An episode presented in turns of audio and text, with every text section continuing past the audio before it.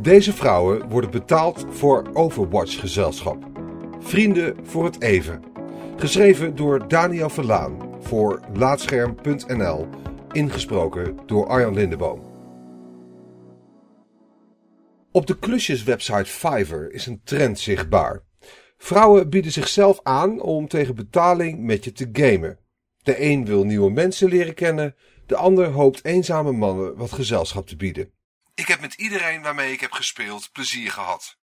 I will play Overwatch with you. Zo luidt de advertentie van Kawaii Desune, een Amerikaanse vrouw die je vrolijk aankijkt in haar Pikachu-pak. Ze biedt aan om voor 4,50 euro een uurtje Overwatch met je te spelen. Wil je dat ze tegen je praat? Dan betaal je 9 euro, maar dan mag je ook gelijk 2 uur met haar gamen.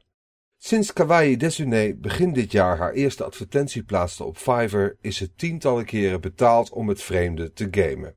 Eén daarvan was een vrouw, de rest allemaal man. Een van de mannen gamet zelfs op regelmatige basis met haar en betaalt lang niet altijd meer. Ik heb met iedereen waarmee ik heb gespeeld plezier gehad, zegt ze als ik er naar vraag via Fiverr chat. Het is volgens haar echt gaaf om te zien dat je een band met iemand kan opbouwen en na verloop van tijd echt beter gaat samenspelen. Het gekste moment dat Kawaii Desune heeft meegemaakt? Iemand die niets zei, ondanks dat ze de hele tijd tegen hem aan het praten was. Cosplay en kawaii. Voor dit verhaal sprak ik in totaal met tien vrouwen. Hun profielen hebben veel overeenkomsten. Zo staan ze vaak in cosplay outfits op de foto en houden ze van Japanse kawaii filters. Sommigen staan er met een diep decolleté wat gewaagder op. Mijn vraag was wie de vrouwen als doelgroep voor ogen hebben. Zijn dat specifiek mannen die moeite hebben om sociale contacten te leggen? Een groot deel zegt inderdaad veel eenzame mannen als klanten te hebben. Deze mannen willen gewoon graag iemand om mee te gamen. En dan het liefst een vrouw. Maar het is niet alsof de vrouwen zich bewust op deze groep toespitsen. Allereerst zijn de meesten behoorlijk ervaren in Overwatch. Ze hebben een level van 300 of hoger en vertellen dan ook dat ze mensen helpen om beter te worden. Ze leggen de verschillen tussen de Overwatch-personages uit en wat de beste speelstijlen zijn, maar werken ook aan het verbeteren van teamwork en het bedenken van nieuwe tactieken voor de verschillende maps. Engels leren. De 23-jarige Italiaanse Azalina 1018 laat zich juist betalen om samen te spelen met heel goede Overwatch-spelers. Op die manier levelt ze een stuk sneller in het spel en verdient ze er ook wat mee. Ik heb een goede baan en verdien genoeg geld, maar ik vroeg me wel af hoeveel kan ik verdienen met zo weinig mogelijk inspanning, schrijft ze. Naast geld verdienen en beter worden in Overwatch zet Azalina 1018 Fiverr ook in om haar Engels te verbeteren. Dat doet ze door met anderen tijdens het gamen te praten. Als mannen vervelend worden, dan blokkeert ze hen, maar dat is tot op heden nog niet gebeurd. Bijbaantje. Bij de vrouwen die ik sprak gaat het echt om een bijbaantje. Ze verdienen tussen de 25 en een paar honderd euro per maand met het gamen met anderen. De Oekraïense Elio Tsugumi vertelt dat ze op Fiverr zit om te sparen voor haar cosplay outfits. Haar eerste, Prompto van Final Fantasy XV, heeft ze er al van kunnen betalen. Nu spaart ze voor een cosplay outfit van 2B van Near Automata. 100% van de mensen die hiervoor contact met mij opneemt is man, schrijft ze. In tegenstelling tot de andere geïnterviewde vrouwen verdient Elio Tsugumi juist met covers of dansvideo's van liedjes naar keuze. Ook schrijft ze korte fanfictie van 500 woorden.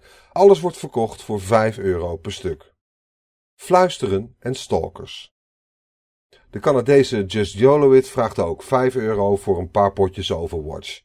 Ze speelt inmiddels met mannen en heel soms een vrouw van over heel de wereld.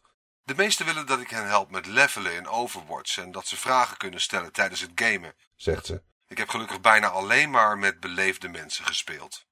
Met de nadruk op bijna.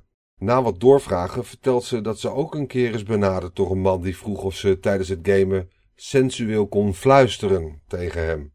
Dat vond ik een beetje vreemd en ik heb het maar niet gedaan, vertelt Just Jolowit.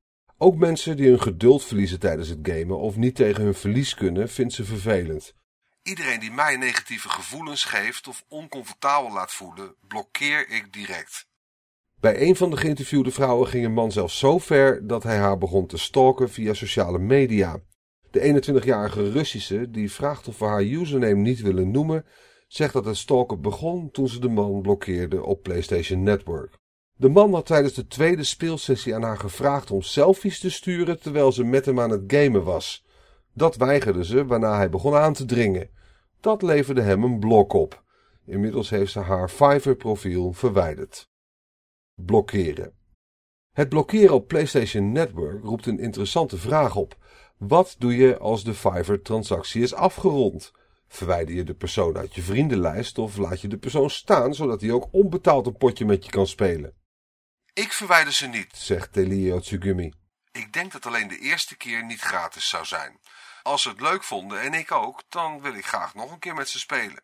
Hetzelfde geldt voor Kawaii Desune. Ik heb nog nooit iemand verwijderd en wil graag met ze gamen zonder dat het zakelijk is.